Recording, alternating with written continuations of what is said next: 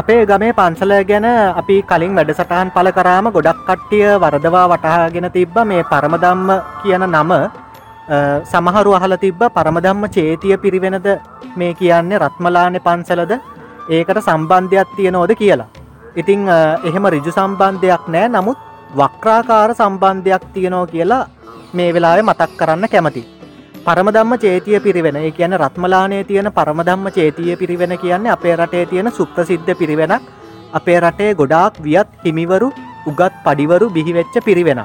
ඉතිං රත්මලාන පරමදම්ම චේතිය පිරිවෙනේ හිටපු ගොඩක් හාමුදුරුවරු පස්සෙ කාලෙක රත්මලාන පරමදම්ම චේතිය පිරිවෙනෙන් වෙන් වෙලා අපේ රටේ වෙනත් ගම්බද පලාත්වලට නගරබද පලාත්වලට ගිහිල්ලා විවිධ විහාරස්ථාන නිර්මාණය කල්ලා තියෙනවා. එහෙම නිර්මාණය කරද්දි අර රත්මලාන පරමදම්ම චේතිය පිරිවෙනේ ඒ පන්සලේ නමේ මුලකුරු ටික දාලා පරම දම්ම නමින් තමයි ඒ විහාරස්ථාන නම් කල්ලා තියෙන්නේ.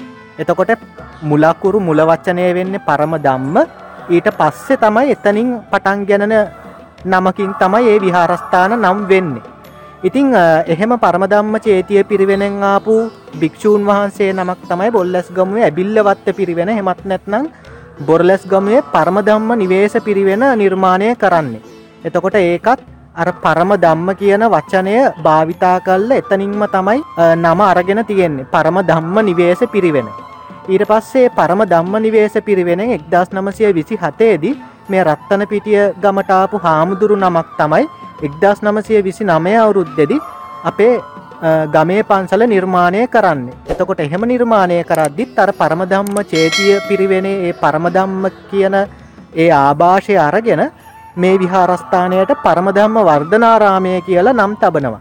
එතකොට එහෙම ගත්තාම මේ විහාරස්ථානය පරමදම්ම චේතිය පිරිවෙනත් එක්ක රිජු සම්බන්ධයක් නැතිවුණට උප්පත්ති කතාවත් එක්ක වක්‍රාකාර සම්බන්ධයක් තියෙනවා. එතකොට අපේ පන්සල විතරක් නෙමේ අපේ රටේ ගොඩක් පන්සල් පරම දම්ම නමින් ආරම්භ වෙනවා ඒ නම්. එතකොට එහෙම නම් ගත්තාම ඒවායනුත් පෙළක් පන්සල්වලට මේ කිය පුත්පත්ති කතා වගේම පරමදම්ම චේතිය පිරිවෙනේ වක්‍රාකාර සම්බන්ධයක් තියෙනවා.